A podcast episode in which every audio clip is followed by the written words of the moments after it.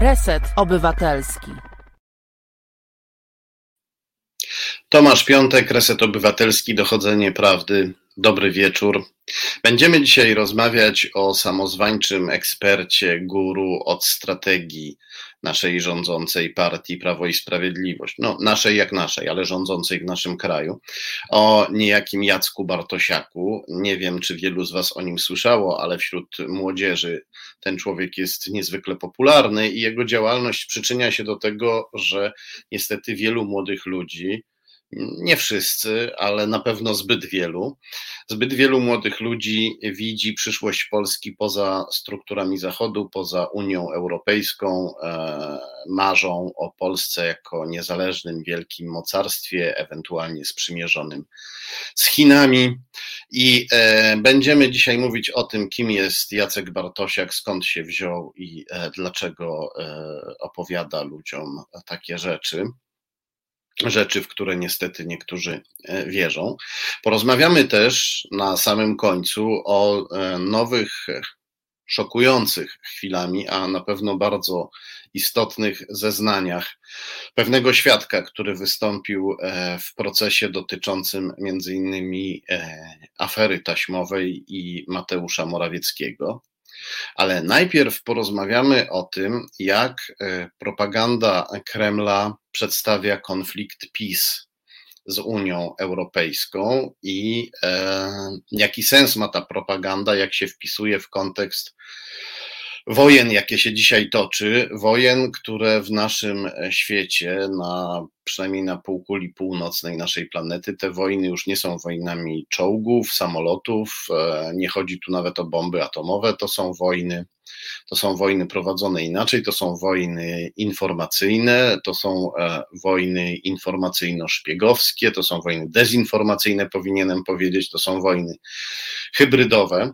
No i Polska właśnie jest e, w tej chwili polem jednej z bitew w takiej wielkiej wojnie.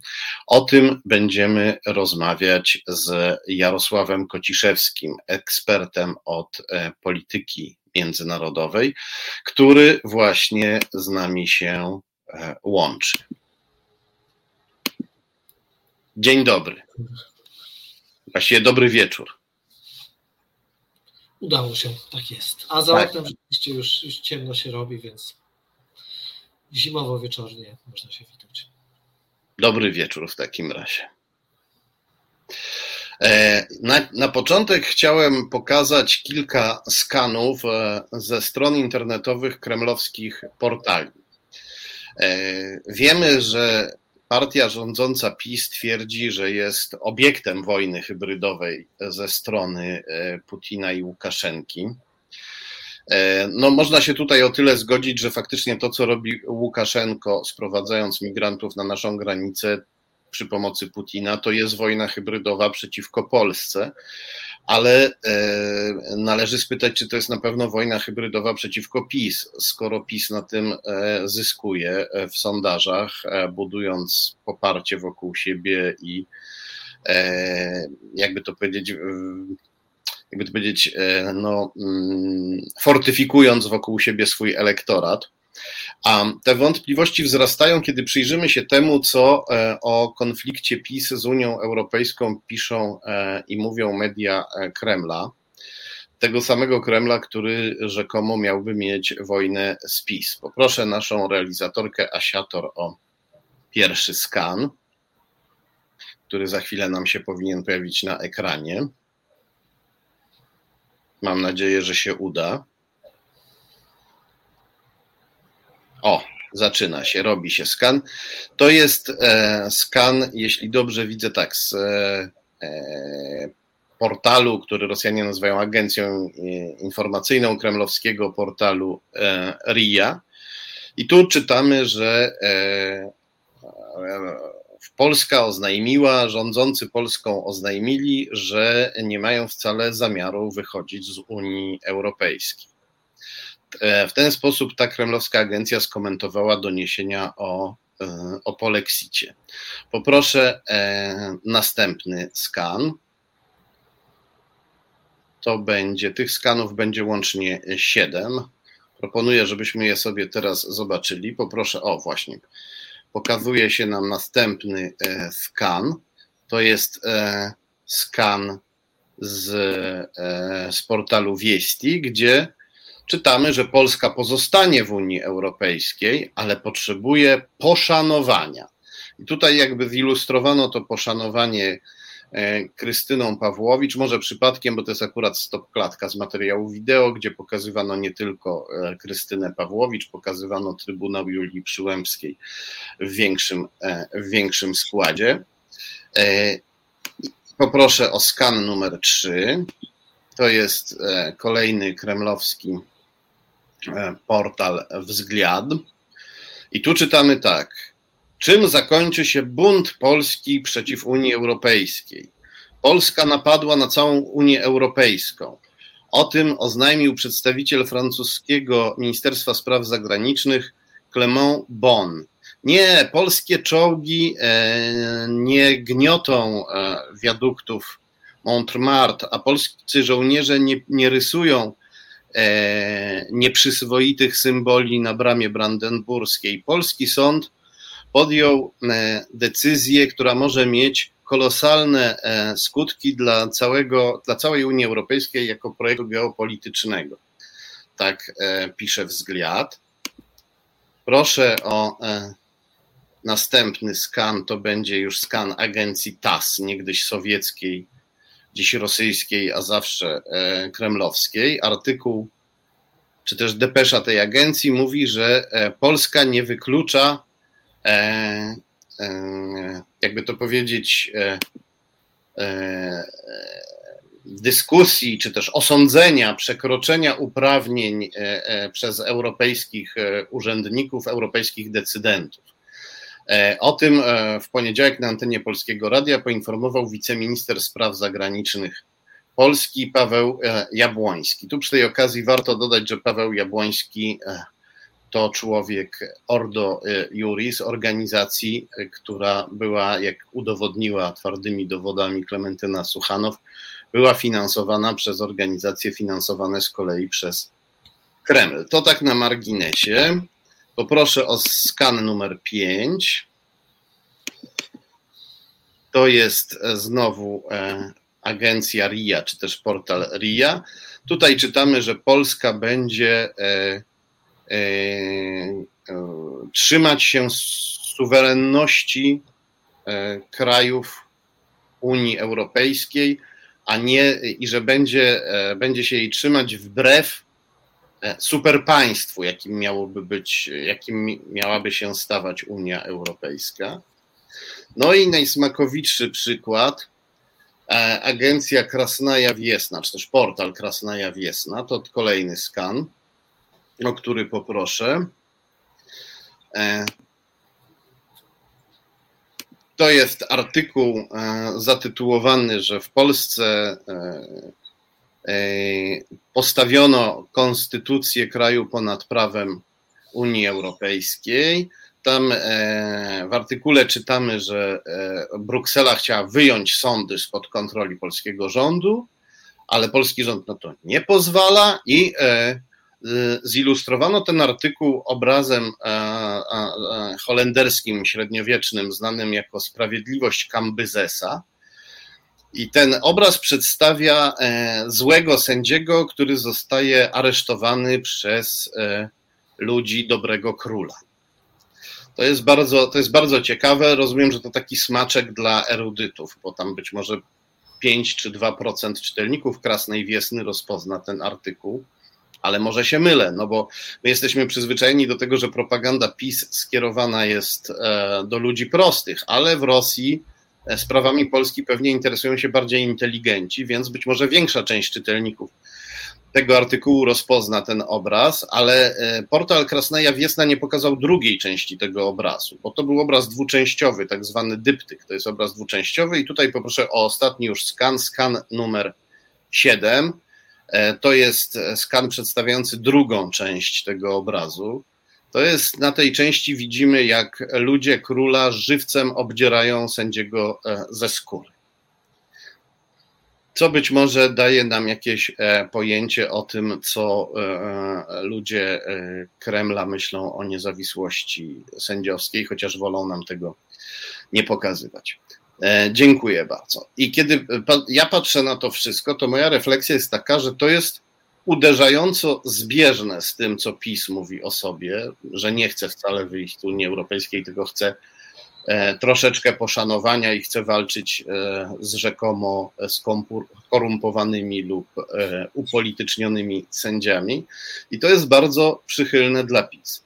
Jak się to ma do opowieści, według której PiS miałby być rzekomo atakowany przez, zwalczany przez przez Kreml. O to pytam naszego eksperta Jarosława Kociszewskiego, który e, naszego gościa i eksperta od spraw międzynarodowych, od polityki międzynarodowej, Jarosława Kociszewskiego, który we wrześniu opublikował bardzo ciekawy artykuł na temat wojen nowego typu. Artykuł jest dostępny na stronie newsweek.pl. Artykuł mówi o tym, że kłamstwo, manipulacja i udawanie jest tym momencie podstawową bronią państw, nie czołgi i nawet nie bomby atomowe. E, panie Jarosławie, jak e, to, co zobaczyliśmy w kremlowskiej prasie, w kremlowskich mediach, ma się do tego, co e, PiS opowiada nam o swoich stosunkach z Kremlem i jak to się ma do wojen nowego typu? To jest niewątpliwie część wojny nowego typu. Znaczy, zacznijmy od tego, że celem wojny nie jest tak po prostu uderzenie w kogoś dla fanu, tylko zyskanie czegoś, znaczy przejęcie kontroli nad jakimś państwem, nad obszarem, podporządkowanie populacji swojej woli. I teraz w wojnach tradycyjnych zawsze był element miękki, propagandowy, ale trzeba było na wroga uderzyć, żeby zabrać mu zasoby, żeby go sobie podporządkować, e, żeby obywatele tego wrogiego króla słuchali naszego króla. Natomiast z czasem, wraz z rozwojem technologii, te proporcje zaczęły się zmieniać. E, coraz większe znaczenie zaczęła odgrywać propaganda, coraz większe znaczenie zaczęła odgrywać dezinformacja. I w tej chwili jesteśmy w punkcie, w którym może jeszcze sama dezinformacja i e, same te miękkie elementy nie wystarczą, żeby przejąć kontrolę nad wrogim państwem, albo nad przynajmniej celem, jeżeli nie jest państwem wrogim. Natomiast niewątpliwie wystarczą, żeby bardzo skutecznie wpłynąć na jego politykę. I teraz, żeby to zrobić, nie trzeba podsycać jakiegoś bardzo jednego konkretnego nurtu. Najlepiej jest rozkołysać łódkę. To znaczy podgrzać konflikt wewnętrzny, e, podgrzać, podgrzać konflikt między celem a jego sojusznikami. Chociażby po to, żeby się od nich najlepiej sam odwrócił, jeżeli oni go e, z klubu nie wykluczą. I teraz to, co robi, to, co wydają się robić Rosjanie, bo to też oczywiście częścią tych, tych gier jest bardzo niewielka możliwość jasnego przypisania może nie intencji, co działań. Ale to, co wydaje się e, robić rosyjska propaganda, to jest właśnie takie chybotanie łódką. Widzieliśmy to przed poprzednimi wyborami w Stanach Zjednoczonych, gdzie, i to Amerykanie udowodnili, gdzie propaganda popierała obie strony. I Hillary Clinton, i Trumpa, po to, żeby powodować e, niestabilność. W przypadku Polski od jakiegoś już czasu nasze służby kontrwywiadowcze zwracają uwagę na to, że Rosjanie popierają rozmaite skrajne ugrupowania, niezależnie od tego, czy są skrajnie prawicowe, czy skrajnie lewicowe. Bo ta polityka jest po prostu zniuansowana. I teraz to, co wydają się robić Rosjanie wokół pozycji Polski w świecie, e, to jest właśnie podsycanie tych elementów antyunijnych, pokazywanie, e, podgrzewanie atmosfery, bo zresztą to też nie Polska tutaj jest głównym celem. I to też nie, czy nie popadajmy w jakąś straszną megalomanię, że to nagle my jesteśmy podmiotem strasznego zainteresowania Kremla, Waszyngtonu czy, czy Pekinu. No, no nie, tu nie o nas chodzi. Tu chodzi o rozgrywki większych ponad naszymi głowami. I teraz, jeżeli Rosjanie są w stanie osłabić tego większego, którym jest Unia Europejska, poprzez wyjęcie z układanki Wielkiej Brytanii. Przecież wiemy, że rosyjska propaganda wspierała Brexit. Wiemy o tym, jak działały media społecznościowe, jak były tam wykorzystywane. Także tutaj, jeżeli e, da, uda się Rosjanom, Kremlowi podsycić antyunijne nastroje w Polsce, niech one będą niepodległościowe, niech one również będą antyrosyjskie. To w ogóle nie przeszkadza. To nie jest tak, że nagle Kreml zacznie forsować politykę miłości wobec siebie. Ona kompletnie nie jest do, do niczego potrzebna. Ja tu dodam, że Kreml podjął taką próbę wśród wielu różnych prób. E, partia Zmiana była taka partia, ale okazało się, że Polacy absolutnie nie chcą słuchać o miłości do Kremla, no a e, lider partii jest oskarżony o szpiegostwo, więc e, nie sądzę, żeby Rosjanie szybko znowu ponowili taką próbę, jeśli, jeśli ją ponowią. Raczej właśnie stawiają w mojej ocenie na to, o czym pan mówi, a znakomita książka Grzegorza Rzeczkowskiego Katastrofa posmoleńska, którą polecam, pokazuje, że e, Rosjanie po to, żeby e, rozbijać Polskę, a przede wszystkim też antagonizować ją z Zachodem, e, wspierali w Polsce antyrosyjskie teorie spiskowe na temat katastrofy w Smoleńsku, no bo widzieli, że u Polaków to owocuje takim myśleniem, aha, Rosjanie zabili nam prezydenta, a NATO milczy, aha, czyli NATO to zdrajcy, odwróćmy się od NATO. Poza tym zawsze można do, pociągnąć te nastroje antyrosyjskie do poziomu kompletnego absurdu i wtedy Rosjanie mogą mówić na Zachodzie, że chwilę, chwilę, my nie jesteśmy tacy źli wcale. To ci Polacy zwariowali kompletnie. Tak, Polacy twierdzą, że my zabijamy parówkami na przykład, prawda? Na, na przykład. No, e, także tutaj ta polityka naprawdę nie jest taka prosta, jednowymiarowa, zero-jedynkowa. Tutaj wiemy, że rosyjska propaganda e, ma bardzo długą tradycję dezinformacji sięgającą głębokich czasów carskich. E, e, w końcu pamflet anty, antysemicki do dzisiaj funkcjonuje. Także tutaj Rosjanie rzeczywiście działają, wygląda na to, że działają bardzo skutecznie, po to, żeby osiągać swój cel, jakim jest osłabianie Zachodu. E, a my się w to niestety nieźle wpisujemy. Do tego wszystkiego reagujemy w sposób, który dla Rosjan wydaje się być absolutnie najwygodniejszy. To znaczy, e, jeżeli kupimy jeszcze 250 czołgów i kupmy jeszcze kolejnych 100 samolotów, to nie ma kompletnie żadnego znaczenia.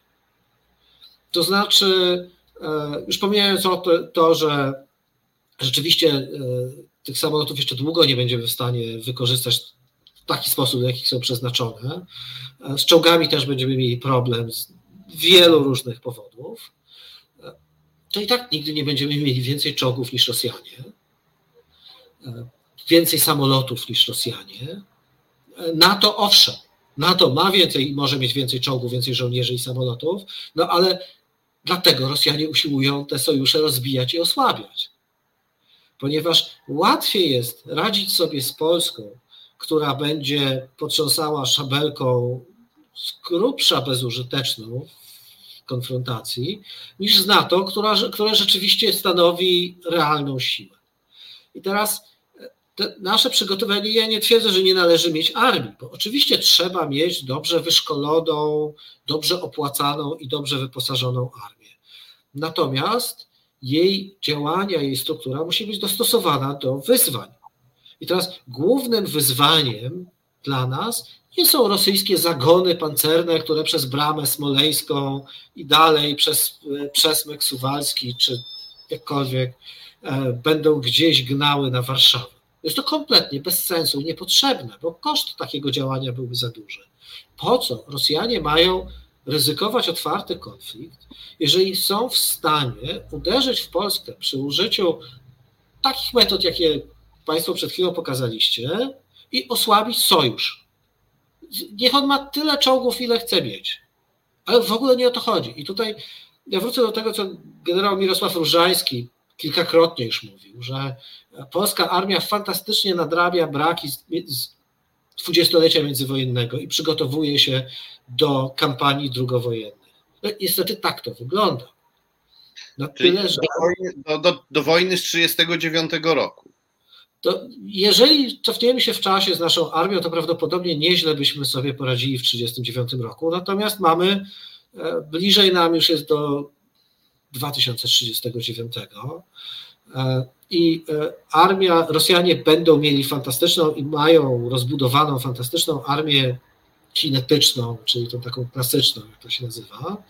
E, natomiast i, i, i ona może odstraszać, ona może w różnych miejscach działać, można jej użyć w Syrii, można użyć Wagnerowców gdzieś tam i oni naprowadzą te, te, te nowoczesne rakiety w Afryce, jak będzie trzeba. Natomiast w stosunku do Polski e, główną metodą działania jest dezinformacja, jest wpływanie na polskie społeczeństwo. Co więcej, tutaj żołnierzami wcale nie są ci specnazowcy, z którymi ma walczyć WOD, tylko żołnierzami są wykształceni Rosjanie. To znaczy, elementem fundamentalnym takiej nowoczesnej wojny jest zrozumienie przeciwnika. I stąd bardzo ważni są humaniści. Tak, to są te zawody, które my tak strasznie zaniedbujemy. Natomiast, żeby skutecznie walczyć w nowoczesnej wojnie, potrzebni są historycy, potrzebni są socjologowie, potrzebni są politolodzy, ludzie, którzy zrozumieją, w jaki sposób skutecznie wpływać na stronę drugą. Bez tego się nie da. Dlatego Przykład mi znany z autopsji, a dla nas nie wrogi. Izraelska armia płaci za studia filologów arabskich i historyków zajmujących się państwami arabskimi. Dlatego, że zrozumienie potencjalnego wroga jest nie mniej ważne niż fizyczna z nim walka. W związku z tym, co z tego, że będziemy mieli czołgi, jeżeli nic z nimi nie będziemy mogli zrobić, a przeciwnik zasypie nas komunikatami, informacją, dezinformacją, memami i filmikami, które wywołują, wywołają u nas takie emocje, jakich będą spodziewali się ci spece rosyjscy i tak nas zmanipulują, że pójdziemy w kierunku, który będzie zgodny z intencjami Kremla. To jest, jest taka wojna. Jest taka chińska opowieść o tym, jak flota cesarza chińskiego zderzyła się z flotą e, królowej piratów. I e, e, wojska e, cesarskie zaczęły bombardować e, flotę królowej piratów e, latawcami, a latawcami z papieru, na których była przesyłana historia w odcinkach. Było tam opisane, jak to lisica wielokrotnie e, krzywdziła poczciwego smoka, jak on jej przebaczał, a ona znów go krzywdziła. I e, to trwało cały dzień. Pod wieczór jeszcze końca historii nie było, ale już było wiadomo, że tym razem smok jest naprawdę zły. I gdy tylko zapadła noc, królowa piratów e, na klęczkach e, jedną łodzią podpłynęła do cesarskiego e, statku i weszła na pokład, mówiąc: Lisica wraca pod skrzydła smok. No, ja mam nadzieję, że my pod skrzydła smoka czy pod łapę niedźwiedzia jednak wracać nie będziemy, bo historia nasza pokazuje, że to nie, nie, nie jest dla nas miejsce, nawet nie jest szczególnie ciepłe, zdaje się. E, więc, e, e, więc raczej nie. Natomiast rzeczywiście wydajemy się kompletnie bezbronni. To znaczy, nie podejmujemy działań, które mogłyby przeciwdziałać temu, co się dzieje. Oczywiście nikt w tej chwili nie umie sobie za bardzo poradzić e, ze współczesną dezinformacją. I stąd zresztą Stany Zjednoczone tak bardzo dużo inwestują w rozmaite badania i, i spotkania, i think tanki, i konferencje, które mają pomóc zrozumieć, jak we współczesnym świecie działa informacja. jak działa manipulacja, jak jej przeciwdziałać, jak budować media od nowa, bo w końcu my dziennikarze też dołożyliśmy swój kamyczek bardzo poważny do tego problemu, w pewnym momencie koncentrując się na klikach, zyskach, kompletnie zapominając o, o gdzieś tam o jakimś, nawet nie, może i o etyce, ale w ogóle o sensie tego, co robimy. Jak również na ośmiorniczkach w pewnym momencie się skon skoncentrowaliśmy nadmiernie. Ja tutaj rzucę taki pomysł, a gdyby. Yy wprowadzić taką zasadę, że wprowadza się coś w rodzaju e, służby wojskowej dla młodzieży, e, i to jeszcze przed studiami na przykład, nieobowiązkowej, ale zachęcano by do takiej służby, ponieważ kto by odbył rok takiej służby, e, później państwo by mu płaciło za studia i pomagało na wybranej uczelni i pomagało na przykład założyć własny biznes. I e, e, taka e, osoba służyłaby w cyberarmii, gdzie by się uczyła o dezinformacji i o tym, jak z nią walczyć. I później byłaby uświadomionym członkiem społeczeństwa, który by też wpływał na innych i tłumaczył im, jak bronić się przed dezinformacją, no bo człowiek później przez całe życie, taki człowiek by z tej wiedzy, z tej wiedzy korzystał. Świetny pomysł, mam wrażenie, że zdefiniował Pan współczesny system edukacji. Znaczy, pan by chciał po prostu dobrą szkołę, żebyśmy mieli dla dzieci i młodzieży. Bo e, zapomnijmy o tym, że to ma być tylko rok i ma być na zielono, ale e, wyobraźmy sobie sytuację, w której rzeczywiście uznajemy, że wyzwania informacyjne są poważnym zagrożeniem dla bezpieczeństwa państwa i uznajemy, że system edukacji powinien być częścią systemu obronności. Co za tym idzie, nie jest potrzebna armia, potrzebna jest edukacja, potrzebna jest szkoła, która będzie uczyła, jak korzystać z mediów. To, co się po angielsku nazywa media literacy, czyli umiejętność korzystania z mediów. Rozróżnienie między krytycznym myśleniem a krytykanstwem. Rzecz wydawać by się mogła oczywista, a a nie. To znaczy, nagle się żyjemy w świecie, w którym się okazuje, że jeżeli ktoś e, odrzuca dorobek immunologii, to znaczy, że myśli krytycznie. No, no nie. Krytyczne myślenie polega na tym, że jak dostanę naukowe dowody, to się z nimi zgodzę, ponieważ umiem krytycznie myśleć i ocenić, że naukowcy jednak coś wiedzą w życiu. A szczepionki ratują życie. Na przykład, i to już wiemy tam od 150 lat mniej więcej, albo jeszcze więcej. E, także y, odrzucenie krzywizny Ziemi nie jest myśleniem krytycznym, jest krytykanstwem. E, I teraz, jeżeli tego wszystkiego będziemy uczyć w szkole, jeżeli będziemy uczyć debaty, bo nie ma nic złego w tym, że ludzie myślą na różne sposoby. Co więcej, na tym polega postęp na kwestionowaniu różnych rzeczy, na wymianie doświadczeń, na dyskusji.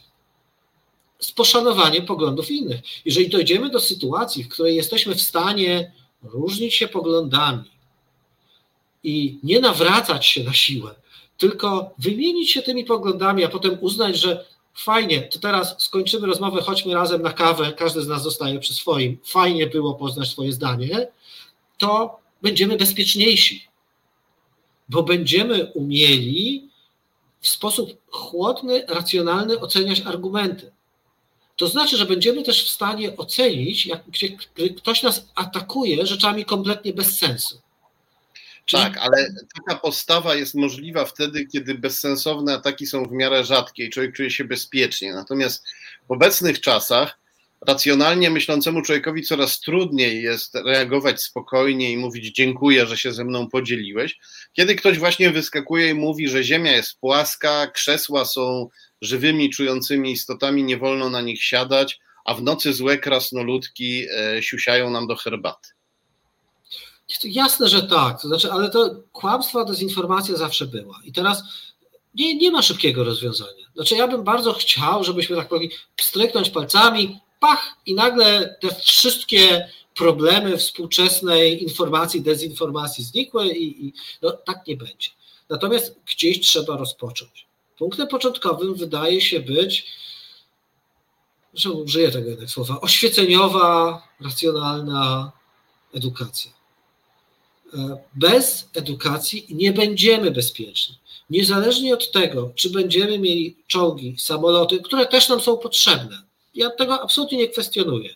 I są potrzebni ludzie, którzy umieją strzelać, i są potrzebni ludzie, którzy e, umieją tych, tych, tych sprzętów używać. Niekoniecznie na potrzeby defi, defilat wyłącznie, najmniej na potrzeby defilat tak naprawdę.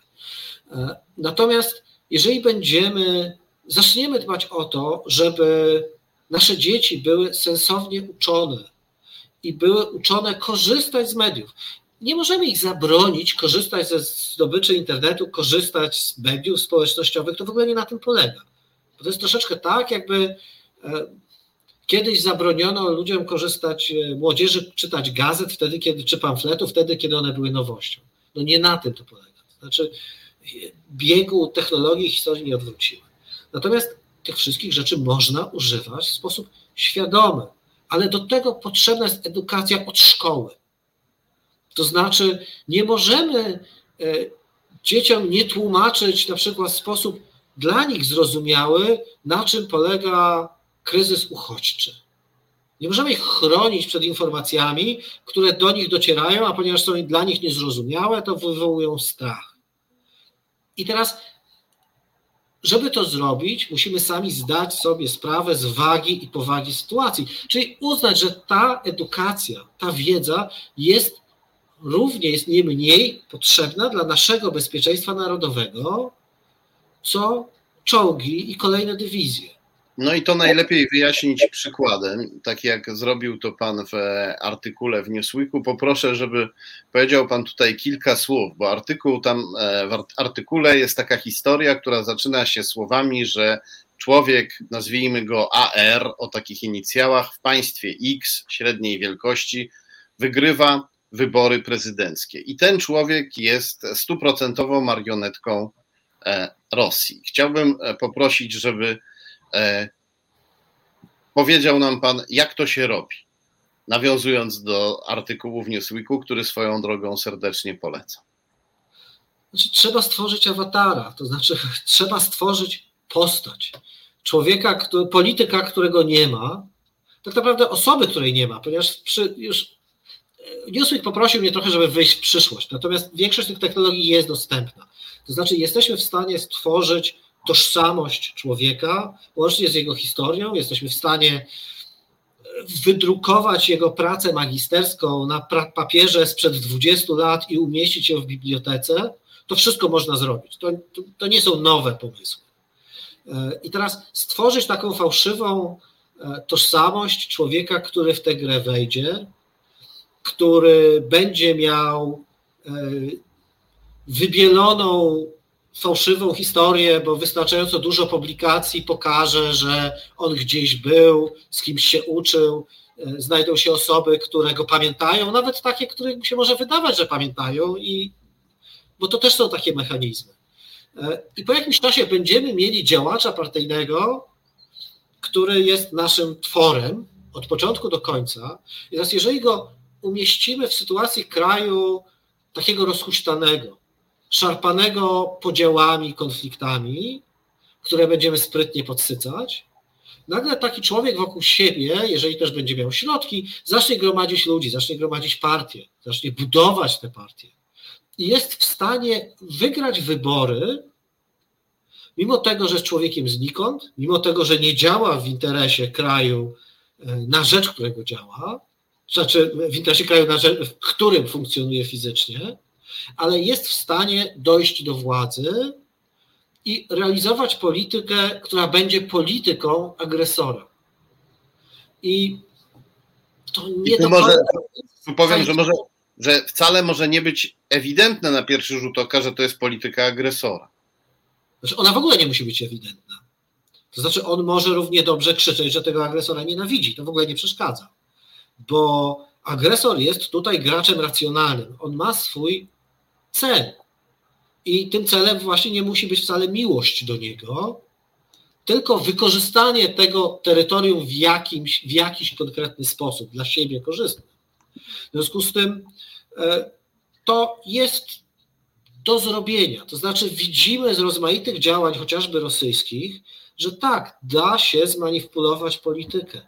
Tak, da się rozhuśtać nastroje do punktu, w którym racjonalne myślenie nie ma żadnego znaczenia, gdzie ludzie czują, reagują emocjonalnie i podejmują działania w oparciu o te emocje, w oparciu o jakieś mity historyczne, które przecież też można fantastycznie e, zmodyfikować. To na każdym kroku w zasadzie widzimy w tej chwili te wojny historyczne, które wpływają na naszą świadomość, a e, z rzeczywistością naprawdę mają niewiele wspólnego.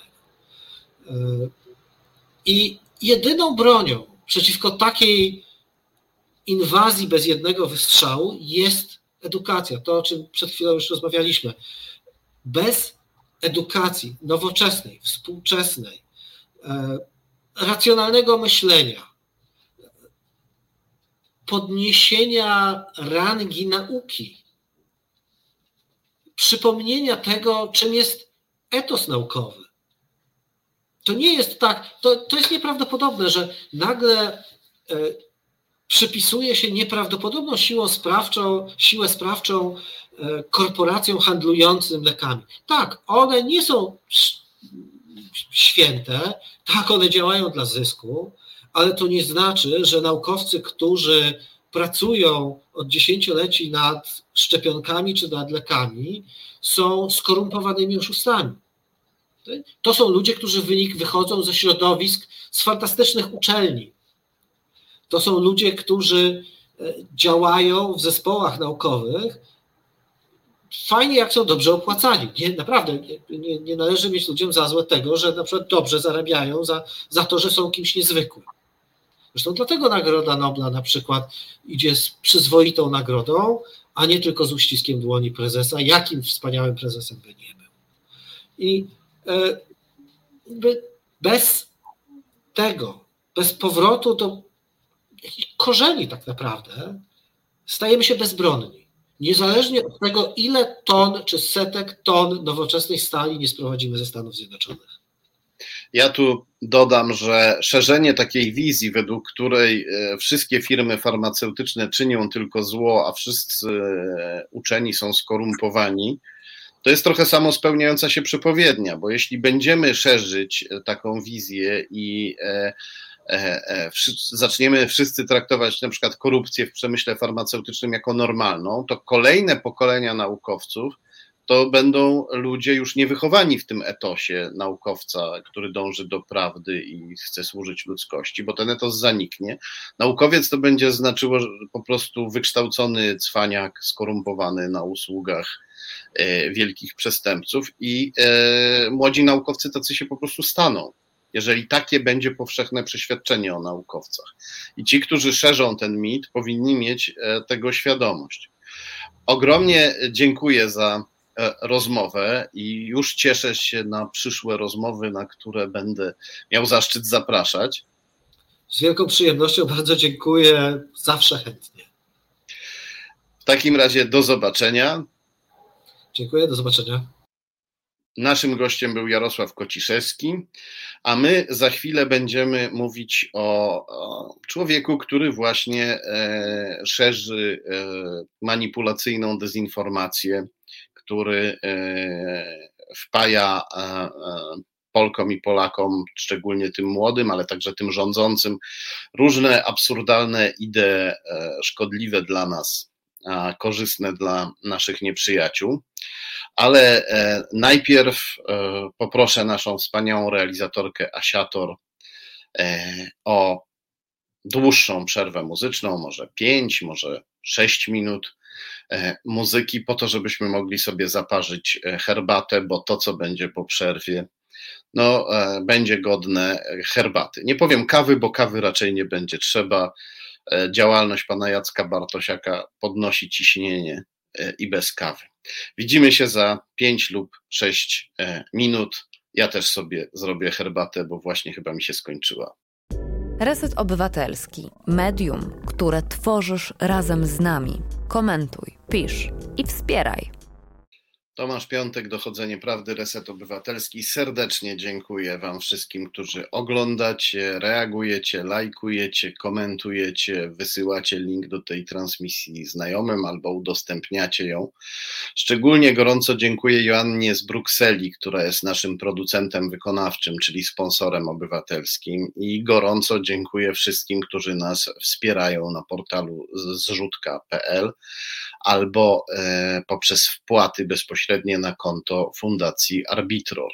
Jesteście naszymi sponsorami obywatelskimi i tylko dzięki Wam e, nadajemy.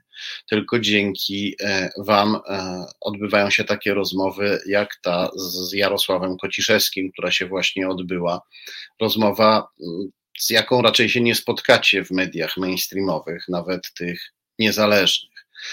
Będziemy tutaj mówić o faktach, i to są fakty, które też nie trafiają do e, mediów mainstreamowych. Szkoda ale z drugiej strony e, my w resecie powinniśmy się teoretycznie cieszyć, bo dzięki temu mamy naszą misję. No nie cieszymy się, bo wolimy, żeby cała Polska o tych faktach wiedziała. Staramy się robić co możemy, żeby cała Polska o tych faktach wiedziała. Do tego jest jeszcze trochę daleko, ale nasza liczba rośnie. Rośnie dzięki pieniądzom, które wpłacacie i dzięki udostępnieniom, które robicie, dzięki temu, że mówicie znajomym o resecie obywatelskim, wysyłacie im linki. Będziemy teraz mówić o Jacku Bartosiaku. Jacek Bartosiak przede wszystkim jest bardzo popularny na YouTube. Poproszę tutaj o ilustrację numer 8. Tutaj widzimy e, różne filmy, które Jacek Bartosiak zamieszcza. Oglądają go dziesiątki, setki tysięcy e, ludzi, a w każdym razie ma setki tysięcy wyświetleń, ponieważ jest bardzo popularny wśród młodzieży. Jak widać na tym skanie, e, na skanie z YouTube'a, to są rozmowy Jacka Bartosiaka z Markiem Budziszem. To jest jeden z jego głównych rozmówców. Marek Budzisz e, raz z Bartosiakiem współtworzy też e, organizację, projekt Strategy and Future. To jest think tank, czyli organizacja ekspercka, ale zarazem spółka. On ma formę firmy komercyjnej. To jest spółka należąca do Jacka Bartosiaka. Kim jest pan Budzisz, z którym e, Bartosiak robi takie rzeczy? Może na wstępnie szybko powiedzmy, kim jest pan e, Budzisz. Pan Budzisz to e, autor artykułu opublikowanego przez braci Karnowskich, których chyba nie muszę przedstawiać, przez portal w polityce.pl opłacany przez PiS. Poproszę teraz o ilustracje numer 9, 10 i 11. To są właśnie skany z artykułu Jacka Bartosiaka opublikowanego przez propagandzistów PiS braci Karnowskich. To jest artykuł zatytułowany e, Czy Warszawa powinna zacząć myśleć o dialogu z Moskwą? W tym artykule czytamy, że Potrzebne jest ocieplenie klimatu politycznego z Rosją, bo Moskwa nie może czynić jednostronnych ustępstw i to być może stanowi pewne pole manewru dla Warszawy, która mogłaby jednostronnie znieść w geście dobrej woli ograniczenia w ruchu przygranicznym z obwodem kaliningradzkim. Nie wydaje się, aby to było zagrożenie dla naszych interesów, wręcz przeciwnie, moglibyśmy pokazać, że jesteśmy w stanie uprawiać politykę również z Moskwą, a nie tylko domagać się pryncypialności, na którą mało kto w zachodniej Europie ma dziś chęć.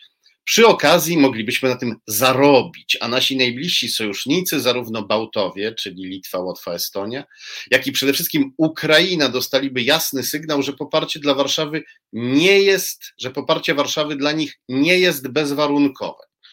Proszę Państwa, tak, to jest e, skan numer 9. Poproszę jeszcze o skan numer 10, na którym zobaczymy, że autorem tego szokującego artykułu jest e, Marek Budzisz. Marek Budzisz, bliski współpracownik Bartosiaka. I co jest w tym artykule najbardziej szokującego? Nawet nie to, że pisowskie medium proponuje zbliżenie z Rosją. No wiemy, przynajmniej tu w resecie obywatelskim wszyscy wiemy, że PiS jest narzędziem Rosji i jest wspierany przez Rosję. Ale to, że autor tego artykułu e, oświadcza, że nasze poparcie dla, e, nie tylko dla Ukrainy, której niezależność jest e, naszą racją stanu, bo e, tylko przy niezależnej Ukrainie Polska może się, że się czuć w miarę bezpieczna ze ze strony bezpośredniego militarnego zagrożenia, w miarę bezpieczna wobec bezpośredniego militarnego zagrożenia ze strony Rosji. Nie, naj, najbardziej szokujące tutaj jest nawet nie to, co pisze o Ukrainie Marek Budzisz, ale o państwach bałtyckich. To są nasi partnerzy z NATO. My mamy obowiązek bezwarunkowo wspierać partnerów z NATO, ponieważ NATO bezwarunkowo wspiera nas.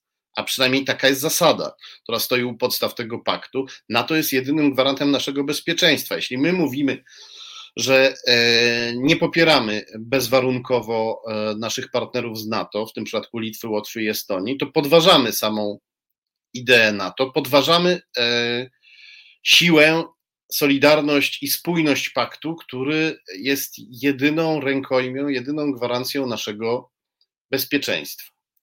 Co jest oczywiście w interesie Rosji, dla której NATO to główny wróg. No ale tu temu się już znowu dziwić nie trzeba, bo nie tylko PiS jest, jak wiemy, wspierany przez Rosję, ale pisowski e, portal braci Karnowskich piórem Marka Budzisza otwarcie wręcz wezwał do, do zbliżenia z Rosją. Warto pamiętać o tym artykule teraz, kiedy PiS żeby poprawić sobie notowania, e, wszedł w rolę rzekomej ofiary Putina i Łukaszenki i krzyczy, że jest zwalczany przez Putina i Łukaszenkę. No to jeszcze parę miesięcy temu, w czerwcu dokładnie, e, panowie z PiS takie artykuły publikowali. To jest Marek Budzisz współpracownik Bartosiaka i on daje nam pewne pojęcie o tym, czego możemy się spodziewać, kiedy się zajmujemy samym Bartosiakiem. Bartosiak występuje jako guru, jako mędrzec od strategii geopolityki.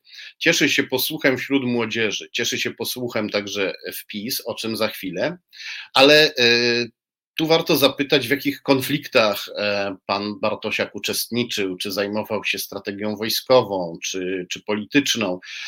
E, czy był dyplomatą, czy był wojskowym, czy był wywiadowcą. Tak się składa, że Bartosiak jest z wykształcenia prawnikiem i zarabia na życie jako producent gier komputerowych. Co może tłumaczyć, dlaczego umie tworzyć malownicze pseudostrategie, pasujące być może do gier komputerowych, które podobają się młodzieży grającej w gry komputerowe. Ale to przerażająca myśl, że yy, na strategię e, naszego rządu ma wpływ człowiek, który e, jest specjalistą od e, strategii używanych w grach komputerowych, a nie w rzeczywistości. Tak się składa, że jako producent gier komputerowych Bartosiak odnosi pewne sukcesy i jego produkcję chwali między innymi portal rosyjski Igromania.ru. Tutaj poproszę o E, ilustrację numer 12. E, tak, to jest e, skan z portalu igromania.ru, który zachwala, lansuje,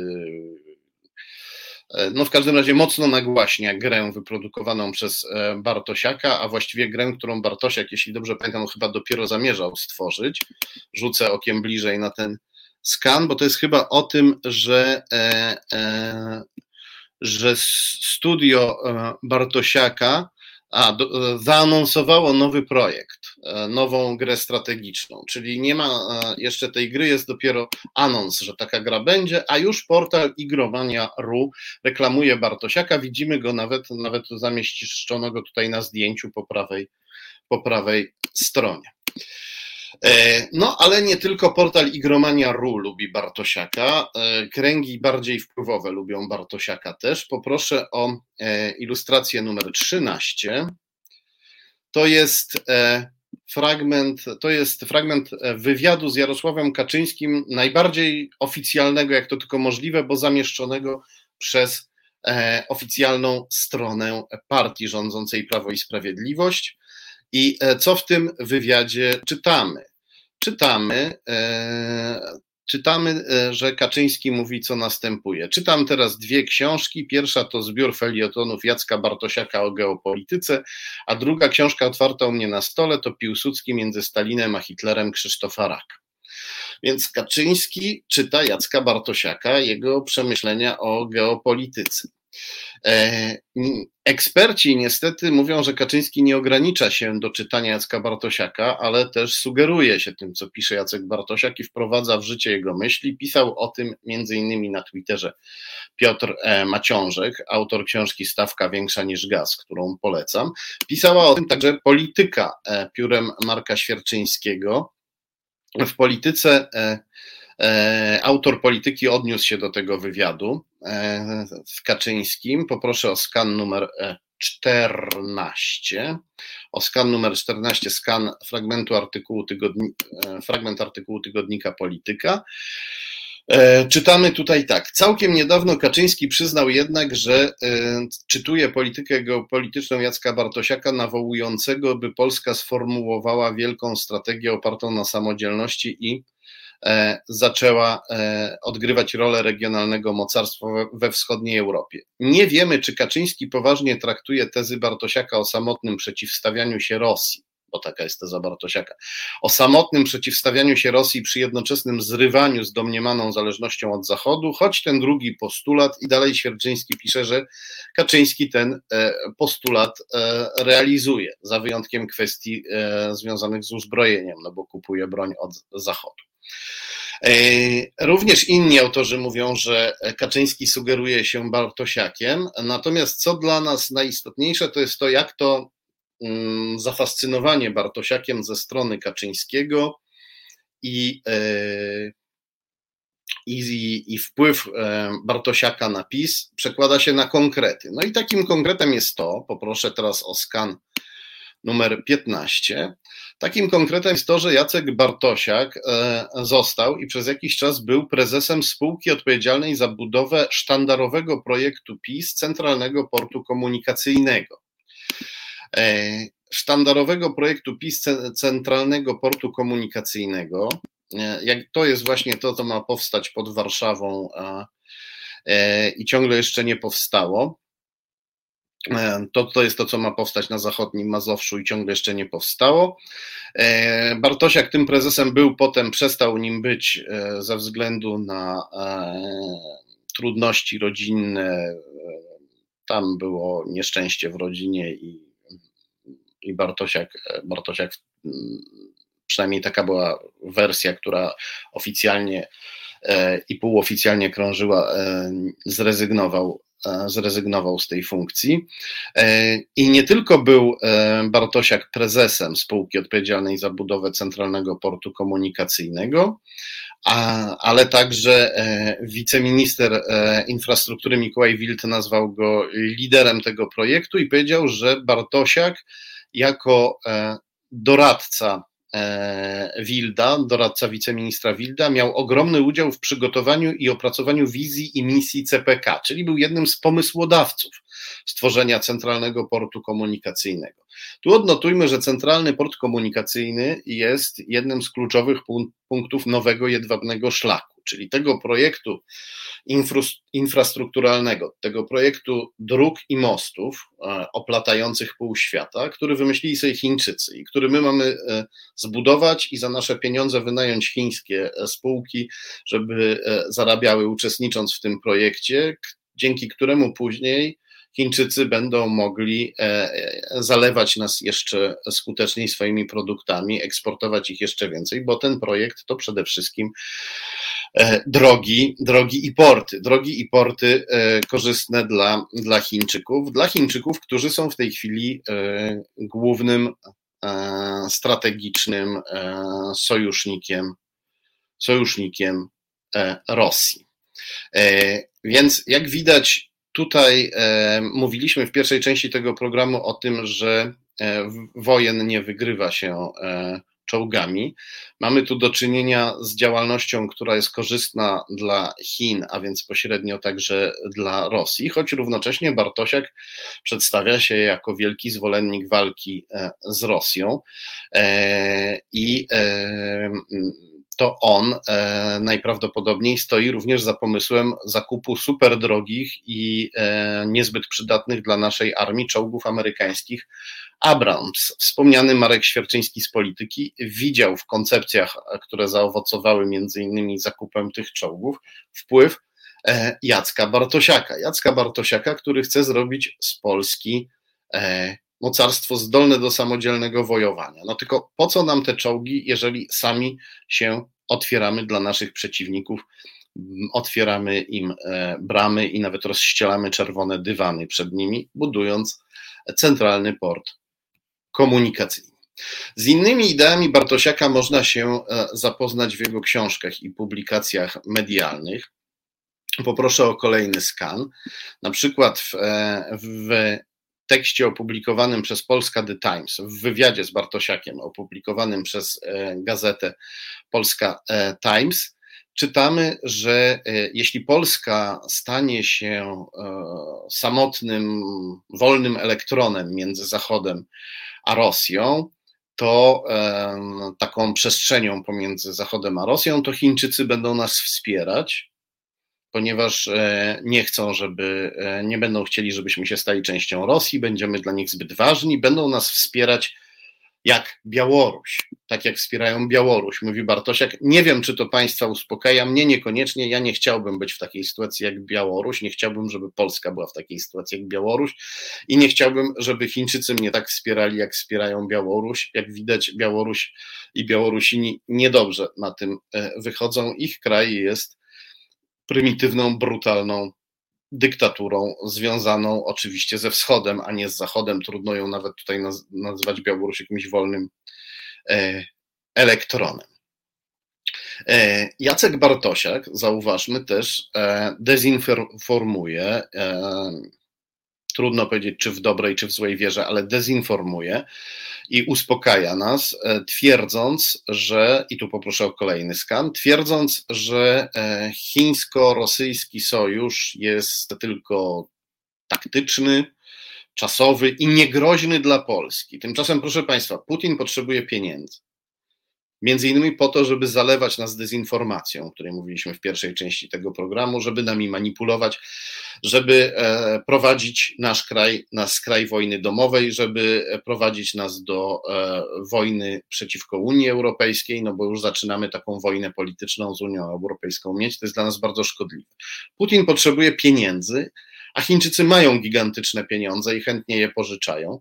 Sojusz e, rosyjsko-chiński jest w tej chwili bardzo ścisły, współpracują ze sobą nie tylko służby specjalne Chin i Rosji, ale Rosjanie i Chińczycy odbywają wspólne manewry wojskowe. To jest coś, co się nie było nie do pomyślenia od czasów Stalina.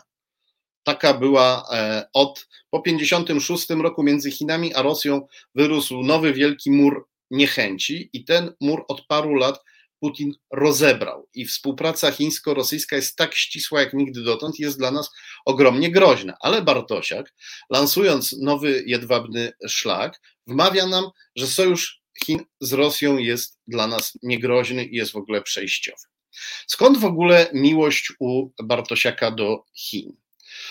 E, badając te kwestie, zacząłem sprawdzać powiązania Bartosiaka i okazało się, że w jego spółce think tanku, w jego spółce Strategy and Future, w zespole tego think tanku, działa e, młody człowiek mm, o nazwisku Karol Tyrała. Młody, no, młodo wyglądający, jak widać na zdjęciu, ale już doświadczony, ponieważ e, czytamy o nim, tutaj jest skan ze strony e, Strategy and Future, czyli spółki Bartosiaka, czytamy, że Karol Tyrała był studentem uczelni e, MGU w Moskwie, Moskowskiej Государственной Uniwersytet, a także e, uczelni w Szanghaju. Od niemal 15 lat prywatnie i zawodowo związany z państwem środka, czyli z totalitarnymi Chinami, gdzie e, rządzi komunistyczna partia Chin. Na co dzień operuje ze wschodnich Chin oraz Hongkongu. Hongkongu, którego autonomię niedawno komunistyczne Chiny e, brutalnie zgwałciły i zniszczyły. Właściciel firm działających pomiędzy Unią Europejską i rynkami Greater China, czyli całej e, chińskojęzycznej strefy kulturowej, chińskojęzycznej i albo kulturowo związanej z Chinami, oraz od niedawna Azji Południowo-Wschodniej. E, no cóż, Obecność takiego człowieka może wiele tłumaczyć. Sprawdziłem, co pan Karol Tyrała robi, sięgając do Krajowego Rejestru Sądowego. To kolejny skan. Skan e, z serwisu rejestr IO, opartego na Krajowym Rejestrze Sądowym.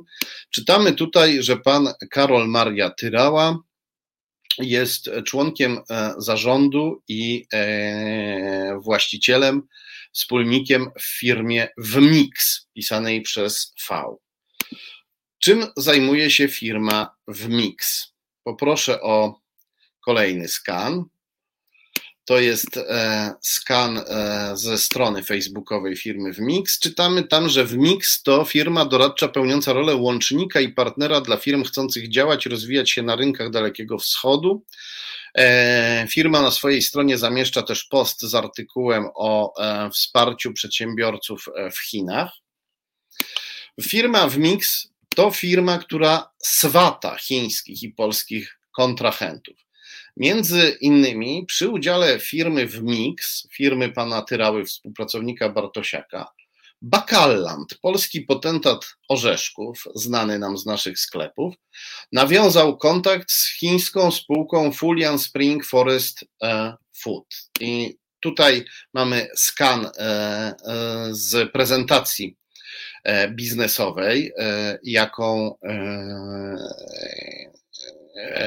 kierownictwo e, tej chińskiej firmy e, zamieściło, a dokładnie pewna menedżerka tej e, firmy zamieściła w internecie. Czy tutaj czytamy, że menedżerka określiła mm, swoją współpracę z Bakallandem jako moją podróż z Bakallandem, tak to nazwała, i pokazała etapy, E, nawiązywania kontaktu z Bakallandem między jej chińską firmą a Bakallandem. Jak widać w czerwcu 2015 roku, po angielsku June 2015, June 2015, w Mix uczestniczył w tym procesie za pomocą e, czegoś, co nazwano WeChat. Zapewne WeChat znaczy e, my rozmawiamy po angielsku, co oznacza, że prawdopodobnie był to jakiś warsztat albo jakaś seria rozmów pomiędzy przedstawicielami firm, co e, ułatwiło im wzajemne rozpoznanie własnych potrzeb. O kogo chodzi? Kim jest ta menedżerka? Kto kierował e, e, wtedy chińską spółką Fulian Spring Forest Food? Poproszę o mm, kolejne dwa skany z serwisu LinkedIn. Chodzi o osobę, która na zachodzie przedstawia się jako Alice G. To jest, jakby to powiedzieć, nagłówek jej e, strony w portalu dla profesjonalistów LinkedIn. Poproszę o następny skan.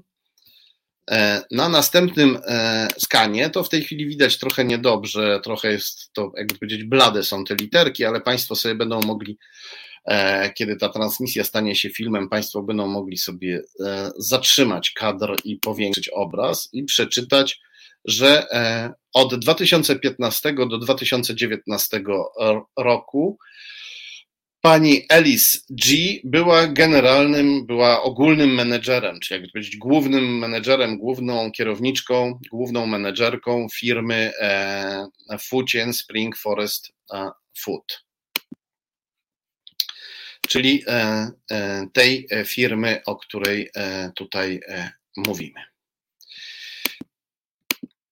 E, na, e, w portalu LinkedIn znajdujemy też na przykład, e, poproszę o kolejny skan, znajdujemy na przykład taki oto wpis z portalu spożywczego, w którym który pani Alice G tutaj obserwowała i to widać na jej stronie na portalu LinkedIn. E, tu widzimy e, właściciela, szefa Rady Nadzorczej e, Bakallandu, którym pani Alice G się w serwisie LinkedIn interesowała, ale na tym nie, nie koniec ponieważ pani Alice G interesowała się również działalnością zachodnich dyplomatów w Szanghaju. Poproszę o dwa następne skany. To jest skan z Facebooka pani Alice G. I na górze, kiedy e, e, zatrzymamy sobie, e, kiedy ta transmisja stanie się filmem, będą mogli Państwo sobie zatrzymać kadr i powiększyć obraz, to zobaczycie, że na górze po lewej stronie, tam gdzie jest adres internetowy, po słowie Facebook nie ma słów Alice G, tylko są, tylko jest napisane Eicinci, Eicincie, Eicincie po chińsku. E, tak się składa, że pani Alice G nazywa się Alice G na zachodzie, natomiast w Chinach nazywa się Aichhin Cie. To się dość, to się trochę podobnie pisze, bo to, co czytamy po angielsku jako G, po chińsku się czyta jako Cie, a, imię, a na imię pani Alice ma tak naprawdę e, Aichin, pisane przez, pisane przez Q. E, I poproszę o następny, o następny skan. To jest znowu skan z e, serwisu LinkedIn, gdzie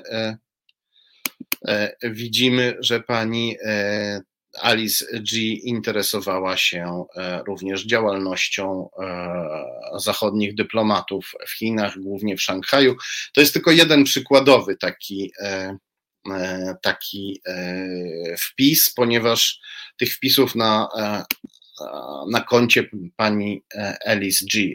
Cie w serwisie LinkedIn jest znacznie więcej. Ona się bardzo tymi dyplomatami interesowała. I warto też zauważyć, że w swojej prezentacji biznesowej pani Aicincie zamieściła też swoje zdjęcie z polskim pisowskim ministrem rolnictwa Krzysztofem Jurgielem. Poproszę o kolejny skan. Pani Aicincie, czy też Alice G, dotarła również do pisowskiego ministra e, e, rolnictwa.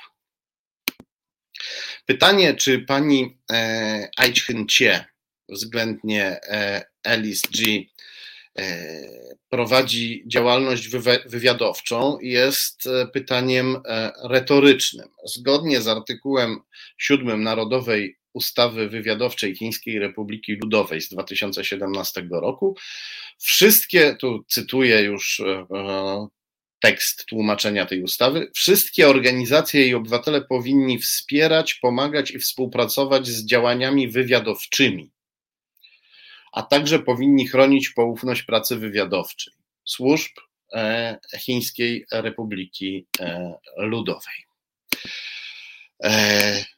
E, czy pani, co, co w serwisie LinkedIn czytamy, że pani Aicincie działa w Polsce?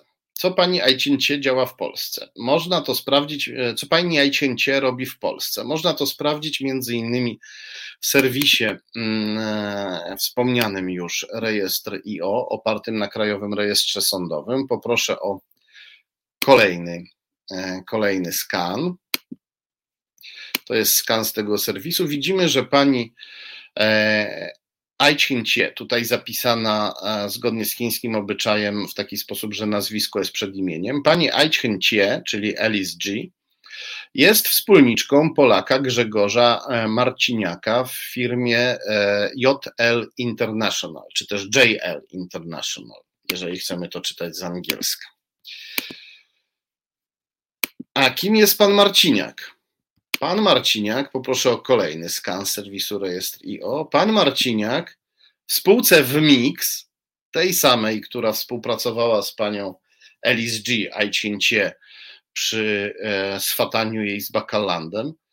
E, w spółce w Mix e, członkiem zarządu i wspólnikiem jest Grzegorz Marciniak, a podobnie jak Karol Tyrała, współpracownik Jacka Bartosiaka. Jak widać, pan Karol Tyrała związany jest z Chinami na bardzo wiele możliwych sposobów, również z osobą tak ekspansywną, niezwykłą, o wielkich zdolnościach infiltracyjnych, jaką bez, bez wątpienia jest pani Aichen Cie, czyli Alice G. Jest ona wspólniczką wspólnika pana Tyrały. Pan Tyrała jest wspólnikiem e, Grzegorza Marciniaka we Wmiksie, który w firmie JL International jest wspólnikiem pani Alice G. Aichhencie, która z kolei e, uczestniczyła razem ze spółką Tyrały w Mix w swataniu e, Bakallandu ze swoją własną firmą. No i tutaj rodzi się pytanie, na ile e, wizje prochińskie szerzone przez Bartosiaka i jego think tank, w którym pracuje pan Tyrała, są szerzone bezinteresownie. Rodzi się też pytanie, E, co z tych kontaktów jeszcze wynika dla Chin, biorąc pod uwagę to, że pani Aichhęcie próbuje dotrzeć do polityków i interesuje się dyplomatami, więc ma zainteresowania raczej typowe dla służb e, wywiadowczych, choć oczywiście nie obce też biznesmenom i tu musimy pamiętać, że chiński biznesmen za granicą jest też na mocy chińskiej ustawy zobowiązany do współpracy z wywiadem. Co jeszcze wiemy o Jacku Bartosiaku? E, otóż region postsowiecki występuje w wizjach Jacka Bartosiaka jeszcze częściej niż chiński Daleki Wschód. E, w 2020 roku Bartosiak oznajmił, że Polska powinna bić się o Białoruś z Rosją i Francją. Francją, nie wiadomo dlaczego Francją. W maju 2021 roku e, oświadczył, że USA liczą się tylko z Rosją i Niemcami i będą rozmawiać z Rosją ponad głowami Polaków. Pisał też, że Polska musi się e, uniezależnić e, od Zachodu, bo inaczej grożą jej e, zabory. W lipcu tego roku na stronie internetowej swego think tanku Jacek Bartosiak opublikował esej Dawid i Goliat, czyli starotestamentowa opowieść o armii nowego wzoru dla tych, co umieją czytać między wierszami. No, tu widzimy właśnie sugestywną rycinę, którą e, Jacek Bartosiak ozdobił swój e, artykuł. Ten Goliat, ten olbrzym e, to Rosja, a ten blady, rudy Dawid to miałaby być Polska, która pokona samodzielnie tego rosyjskiego Goliata. Tekst oczywiście nawiązuje do słynnej biblijnej opowieści o nieoczekiwanym zwycięstwie słabszego przeciwnika nad silniejszym. Rozmawiałem między innymi ze znanym nam znanym e, widzom Resetu Obywatelskiego, doktorem Tomaszem Pawłuszką z Akademii Wojsk Lądowych. Pytałem go, czy przypowieść Bartosiaka mówi, że możemy sami wypowiedzieć wojnę Rosji i wygrać. No i doktor Pawłuszko odpowiedział, że Bartosiak tak to właśnie przedstawia, ale to jest bajkowa teza, mówi doktor Pawłuszko, ułańska fantazja o potencjalnie groźnych konsekwencjach. Inni widzą to podobnie. Generał Waldemar Skrzypczak, były dowódca wojsk lądowych Rzeczypospolitej Polskiej, opublikował w kwietniu artykuł pod tytułem Komu zależy na osłabieniu pozycji Polski na portalu defense24.pl. Według Skrzypczaka odcięcie się od sojuszników i działanie e, wbrew NATO prowadziłoby do utraty, tu cytuję, szeroko rozumianego wsparcia wojskowego, ale też polityczno-gospodarczego i wywiadowczego. Na ekranie widzimy fragment tego artykułu. Generał dodał też, że tezy o rzekomo możliwej samodzielności Polski są z reguły wynikiem gier i manipulacji, dyplomacji i wywiadów. Skrytykował też polityków PiS, którzy, znowu cytuję, wpisują się w strategię skierowaną przeciwko jedności Unii Europejskiej i NATO i są wciągani do gry, którą prowadzą świetnie przygotowani, rzekomo propolscy eksperci. A czyja jest to strategia? Pyta generał i odpowiada. Odpowiedź znajdziemy w naszej bogatej historii, kiedy to głównie Rosjanie manipulowali sceną e, polityczną.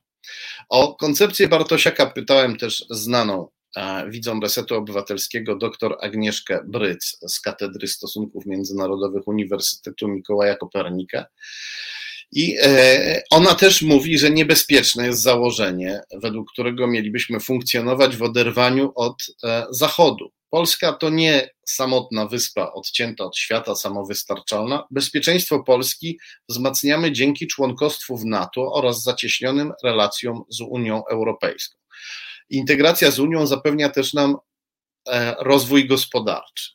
I nie do pomyślenia jest to, że moglibyśmy się teraz świadomie z tego wykorzenić dla jakiejś mrzonki, dla, dla hasła pod tytułem nie potrzebujemy Zachodu. Jeśli mówimy sobie, że nie potrzebujemy Zachodu, to znaczy, że naszym celem jest marsz na wschód, do Moskwy i jeszcze dalej do Pekinu, e, mówi Agnieszka Bryc i e, odbyłem z nią dłuższą rozmowę na ten temat. Mam nadzieję ją opublikować w przyszłości. E, I e, tłumaczenie się tutaj interesami gospodarczymi to jest bardzo ważne. E, nie wystarcza, mówi Agnieszka Bryc, bo jest tak, że wiele osób mówi: No dobrze, ale Chiny to superpotęga gospodarcza, musimy z nimi handlować, musimy zarabiać na tym pieniądze. Po pierwsze, jest tak, to już mówię ja od siebie, że na interesach z Chińczykami korzystają jednak głównie Chińczycy. A po drugie, to już mówi Agnieszka Bryc, przy robieniu biznesów z Moskwą i Pekinem zawsze dostajemy w pakiecie wielką politykę, uzależnienie od tych stolic, od Moskwy i Pekinu i instrumentalne wykorzystywanie naszego kraju do osłabiania Zachodu. Jeśli wejdziemy w orbitę wpływu Rosji i Chin, to staniemy się ich marionetką. Dla Zachodu będziemy rosyjsko-chińskim koniem trojańskim i tutaj pouczające są też doświadczenia państw afrykańskich, które postawiły na współpracę z Chinami i zostały gospodarczo skolonizowane. Warto też zobaczyć, jaką cenę płaci Ukraina straszliwą, żeby wyrwać się z rosyjskiej strefy wpływów. Wszystkie propozycje odcinania się od Zachodu, mówi Agnieszka Bryc, są w sposób oczywisty korzystne dla e, Rosji. E, zobaczmy jeszcze, co o samym Bartosiaku mówi mm, Krajowy Rejestr Sądowy, bo to też jest bardzo interesujące. Otóż okazuje się, że e, Jacek Bartosiak w firmie Bicarbo E, był wspólnikiem w firmie Bicarbo, którą zarządzał e, biznesmen manager Jacek Raś, biznesmen manager z Lublina. E, co jeszcze mówi nam Krajowy Rejestr Sądowy? Kiedy tam zajrzymy, szukając Bartosiaka, poproszę o następny skan, znowu z serwisu Rejestr IO opartego na Krajowym Rejestrze Sądowym.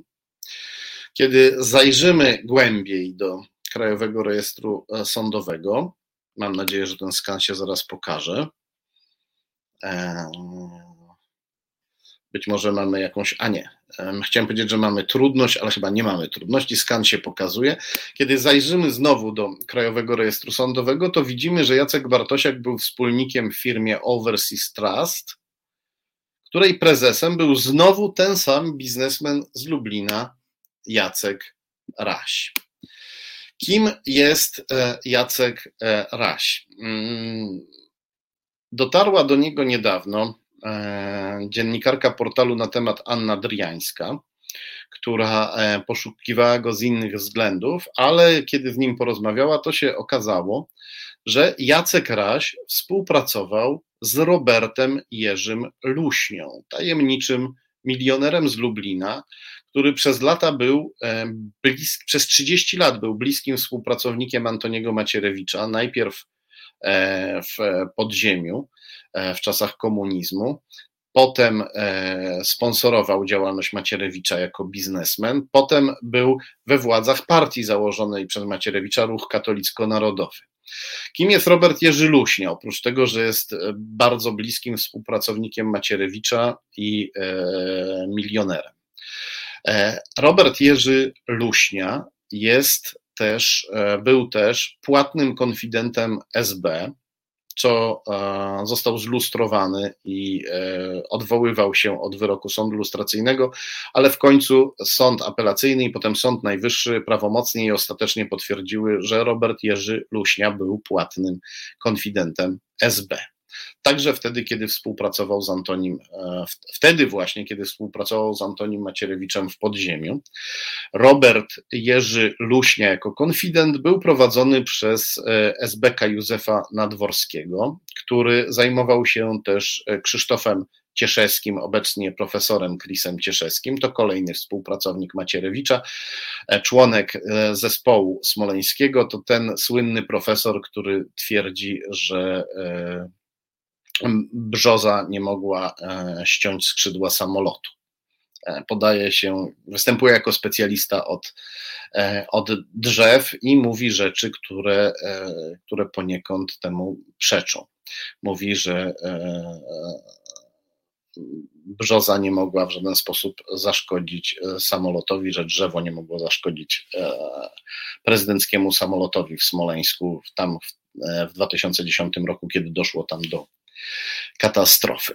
To jest bardzo ciekawe, że Józef Nadworski, e, Esbek Józef Nadworski prowadził dwóch przyszłych współpracowników Macierewicza, e, Cieszewskiego i Luśnie.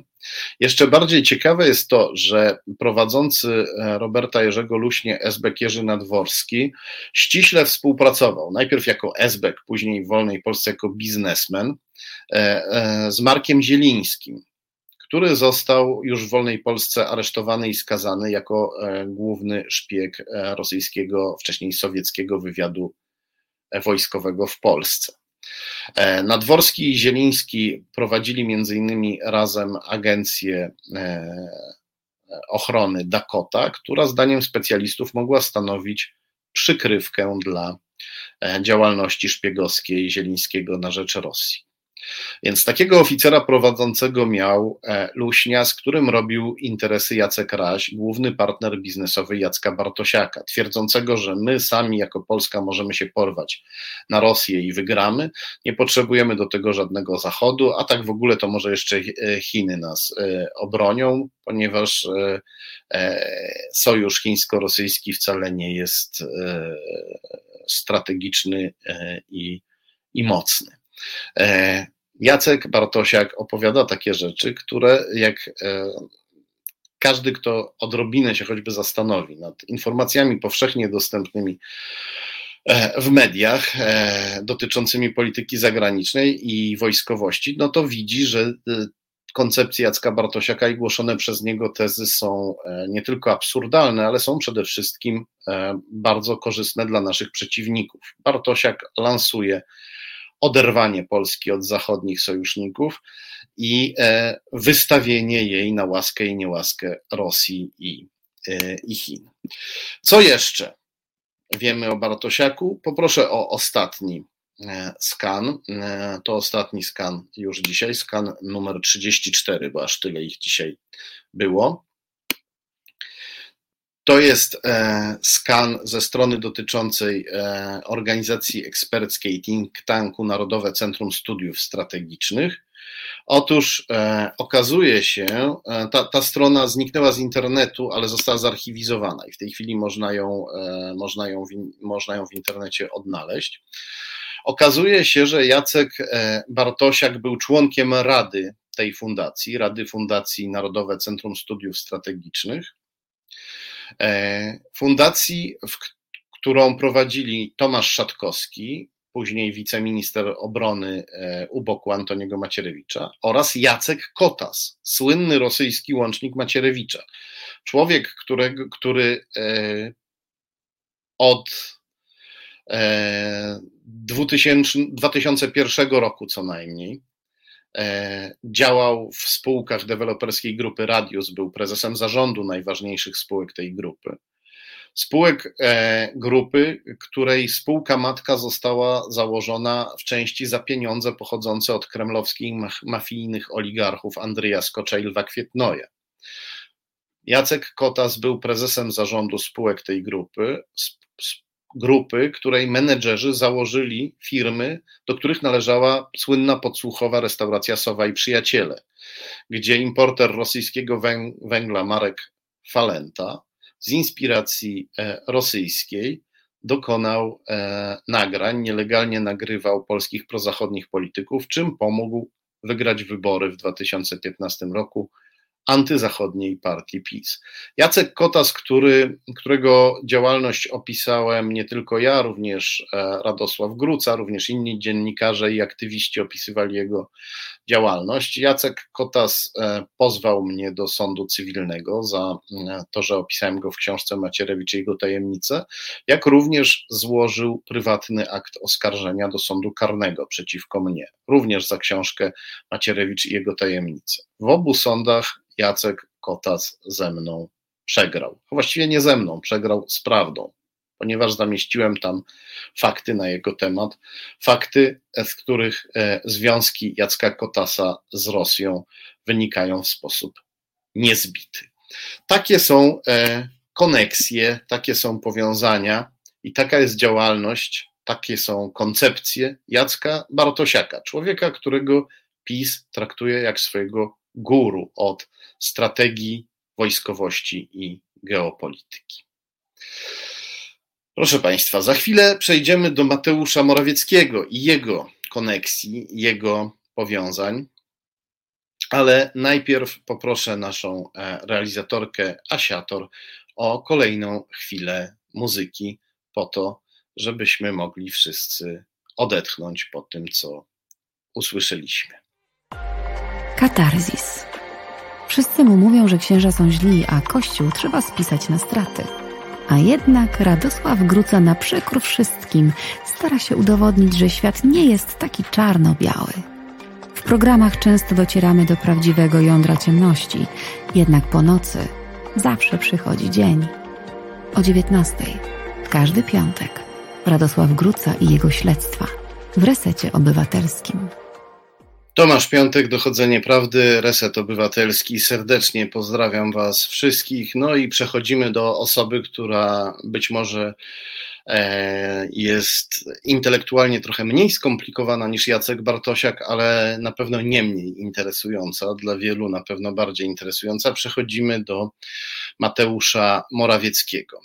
Po tym, jak opublikowałem książkę Morawiecki i jego tajemnice, zostałem e, pozwany przez miliardera Tomasza Misiaka, ponieważ e, w tej książce opisałem e, związki Tomasza Misiaka z Mateuszem Morawieckim i z aferą taśmową.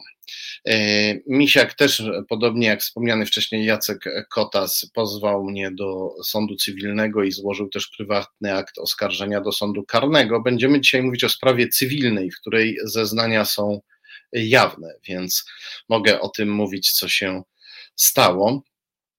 Otóż e, Tomasz Misiak e, wezwał na świadka swoją e, żonę, żonę, która jest w trakcie rozwodu z nim. Nie wiem po co to zrobił i czego się spodziewał. Natomiast zeznania tego świadka były miażdżące. Były miażdżące dla Tomasza Misiaka. Ja wiem, że słowa miażdżące się dzisiaj nadużywa, no ale w tym przypadku nie znajduję lepszego określenia. O czym e, mówiła, e, o czym mówił świadek? Świadek e, mówił, że, czy też o czym mówiła świadkini? O czym mówiła świadkini? Świadkini mówiła o tym, że zeznała, że Tomasz Misiak był od wielu lat bliskim znajomym Mateusza Morawieckiego, mieli też więzi biznesowe, znali się jeszcze z Wrocławia. E, mówiła, że e, świadkini zeznała też, że Tomasz Misiak i Mateusz Morawiecki spotykali się w Sowie i Przyjaciołach, czyli w słynnej podsłuchowej restauracji. To by znaczyło, że ujawnione przez dziennikarzy Onetu e, nagrania dostępne w, w materiałach sprawy sądowej, postępowania sądowego i wcześniej prokuratorskiego i prowadzonego przez ABW dotyczącego afery podsłuchowej, to by znaczyło, że ta znana nam rozmowa Mateusza Morawieckiego, nielegalnie nagrana w Sowie, gdzie Mateusz Morawiecki mówi o zapieprzaniu, nawet bardziej wulgarnie za miskę ryżu, o tym, że ludzie powinni zapieprzać za miskę ryżu. Ta kompromitująca dla Mateusza Morawieckiego rozmowa, nieujawniona e, w mediach w 2014 roku, wygrzebana później dopiero przez e, dziennikarzy Onetu w 2018 roku, ta rozmowa najwyraźniej nie była jedyną, ponieważ rozmowy w Sowie, rozmowy osób ważnych i wpływowych, jak Tomasz Misiak i Mateusz Morawiecki, były tam z reguły nagrywane. To znaczy, że najprawdopodobniej władcy taśm, którzy najpewniej znajdują się w Rosji, mają nagrania e, rozmów Mateusza e, Morawieckiego. Co jeszcze wiemy z zeznań? Z zeznań z rozprawy, która miała miejsce w zeszłym tygodniu. Wiemy, że e, restauracja Sowa i Przyjaciele została wylansowana przez Tomasza Misiaka, dobrego znajomego i biznesowego kolegę Mateusza Morawieckiego. Tomasz Misiak regularnie chodził do restauracji Lemon Grass, gdzie polskich polityków podsłuchiwali Rosjanie. I kiedy rozeszła się wieść, rozeszła się plotka, że w Lemongrasie są podsłuchy, to e, kelnerzy dokonujący nagrań, wykonujący jakby, prowadzący czynności wykonawcze przy, tych, przy tej operacji, czyli podkładający pluskwy urządzenia podsłuchowe, Kelnerzy z restauracji Lemongrass i menedżerzy przenieśli się do, res, do nowo założonej restauracji Sowa i Przyjaciele. Przeniósł się tam słynny Łukasz N., e, który zawiadywał e, wykonawczymi czynnościami e, przy tej operacji podsłuchowej. Był on w bliskiej komitywie z Tomaszem Misiakiem, dobrym znajomym i biznesowym kolegą Morawieckiego. I e, kiedy Łukasz N. z kolegami przeszedł z Lemongrasu do nowo założonej restauracji Sowa i Przyjaciele, to za nim podążył tam Tomasz Misiak, który, jak, mówi, e, jak mówią zeznania, założył tam sobie e, swoje drugie biuro w restauracji Sowa i Przyjaciele. Tak o niej mówił. Tam wszystkich zapraszał, tam się tylko chciał spotykać. Nie tylko zapraszał, ale wręcz spraszał tam ludzi. E, kogo tylko mógł, przekonywał, że powinien przyjść do Sowy i Przyjaciół. Nigdzie indziej nie chciał się spotykać. E, wszystkim dawał adres tej restauracji, zachwalał ją. E, to była restauracja zupełnie nowa i położona poza ścisłym centrum e, Warszawy, więc bardzo trudno byłoby ją wylansować do tego stopnia, gdyby nie nie to, że wylansował ją Tomasz Misiak. On urządzał w niej również swoje cyklicznie imprezy dla mniej więcej 20-osobowego grona znajomych, nazywał te imprezy misiakówkami. Czy wiedział, że tam odbywają się nagrania? No, był w dobrej komitywie z Łukaszem N. I był też e, przyjacielem, promotorem i partnerem biznesowym Marka Falenty. Człowieka, który e, zawiadywał innymi aspektami operacji podsłuchowej, człowieka, który był, który przede wszystkim zaniósł do kierownictwa PiS e, nielegalne nagrania z restauracji Sowa i E, Sowa i przyjaciele. Marek Falenta te, był związany z Rosją, e, był importerem rosyjskiego węgla i e, dostał od Rosjan dość nieoczekiwany kredyt w postaci węgla. Rosjanie sprzedają węgiel za gotówkę, a on dostał węgiel na kredyt i to węgiel o wielomilionowej wartości więc był od Rosjan uzależniony i jak sam e, zeznał w innym procesie, e, jego zeznania możecie znaleźć na kanale e, YouTube'owym wydawnictwa Arbitror.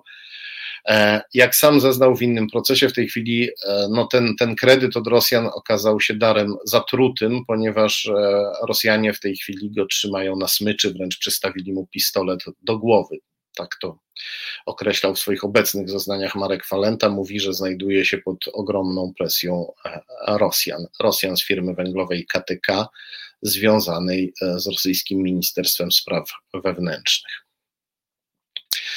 E, tych obu tych ludzi, Łukasza N. i Marka Falentę, Tomasz Misiak bardzo dobrze znał, a równocześnie był bliskim kolegą biznesowym Mateusza Morawieckiego, którego zapraszał do Sowy i przyjaciół. Sam Tomasz Misiak, dobry znajomy i biznesowy kolega Mateusza Morawieckiego, miał e, związki e, z Rosją wręcz jeszcze bliższe niż Marek Falenta.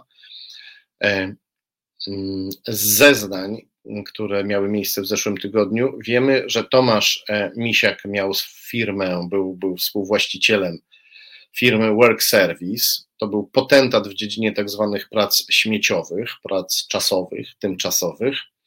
I ta firma miała filie zagraniczne, którymi e, zajmowała się właśnie świadkini, jako żona Tomasza Misiaka i jego partnerka biznesowa.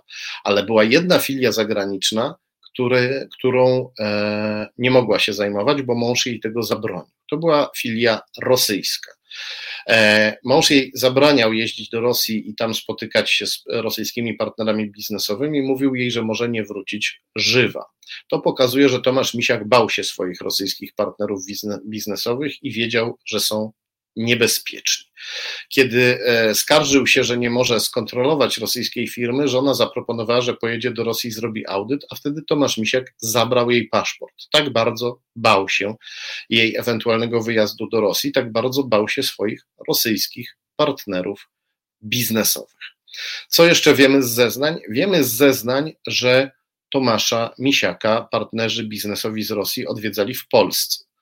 Świadek, świadkini uczestniczyła w tych e, e, posiedzeniach, jadła z nimi kolację i słyszała, jak podczas tych rozmów mówiono, że firma Work Service, firma Tomasza Misiaka, dobrego znajomego Mateusza Morawieckiego, w Rosji obsługuje wielkie markety, wielką sieć marketów i supermarketów należących do superoligarchy, który pociąga za wszystkie sznurki na Kremlu i w tym kontekście padało nazwisko Michaiła Friedmana. opisanego również w książce Morawiecki jego tajemnice. Świadek, świadkini e, rozumiała z tych rozmów, że tym superoligarchą ma być właśnie e, Michał Friedman, kremlowski oligarcha posiadający sieć e, marketów i supermarketów, co jest opisane też w książce Morawiecki jego tajemnice. I z rozmów tych wynikało, że współpraca z oligarchą Friedmanem może zaowocować tym, że Tomasz Misiak dobry znajomy i biznesowy kolega Mateusza Morawieckiego, związany z nim także finansowo, z jego bankiem. E, wynikało z tych rozmów, że Tomasz Misiak, dobry znajomy i kolega biznesowy Morawieckiego, może uzyskać dzięki oligarsze Friedmanowi coś w rodzaju monopolu na prace śmieciowe w Rosji. Czy to jest odpowiedź na pytanie, dlaczego Misiak zapraszał wszystkich do Sowy i przyjaciół tam, gdzie podsłuchiwali Rosjanie. Mam nadzieję, że te sprawy sądowe, które się toczą i śledztwa dziennikarskie, które się to wciąż toczą, odpowiedzą na to pytanie.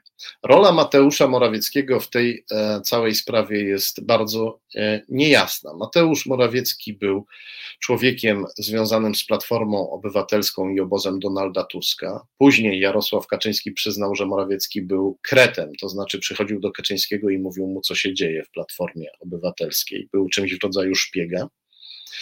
Mateusz e, Morawiecki został nagrany nielegalnie w sobie, można więc powiedzieć, że jest ofiarą tej afery, ale tak się dziwnie składa, że ludzie związani z Rosjanami, którzy przekazywali do mediów nagrania osób z obozu Platformy Obywatelskiej, nie przekazali e, nagrań Mateusza Morawieckiego, choć wtedy jeszcze powszechnie uchodził on za osobę związaną z Platformą Obywatelską. Oszczędzono go.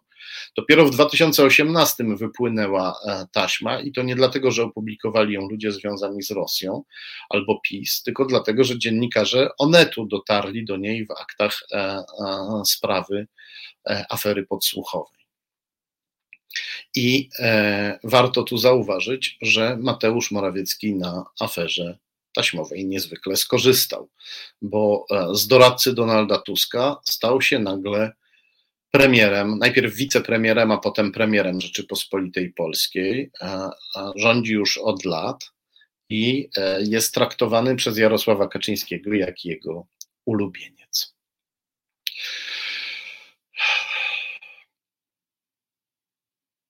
Taka jest rzeczywistość, w której e, żyjemy. Dzisiejszy program był pełen faktów, faktów, powiązań, faktów, skanów, e, informacji, dowodów.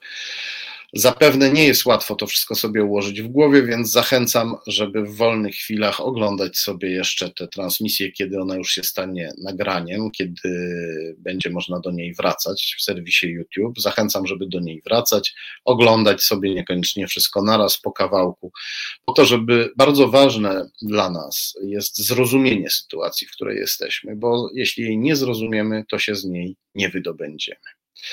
Ja z Państwem się już żegnam. Spotkamy się znowu e, za tydzień, a e, już za 10 minut prawoteka, na którą również zapraszam. Ogromnie dziękuję Wam za to, że jesteście, słuchacie, oglądacie, lajkujecie, komentujecie, udostępniacie, wysyłacie znajomym link i za to, że wspieracie nas e, finansowo, bo bez tego nie moglibyśmy nadawać, nie moglibyśmy działać, nie moglibyśmy dostarczać Wam tych wszystkich faktów i analiz, które dostarczamy.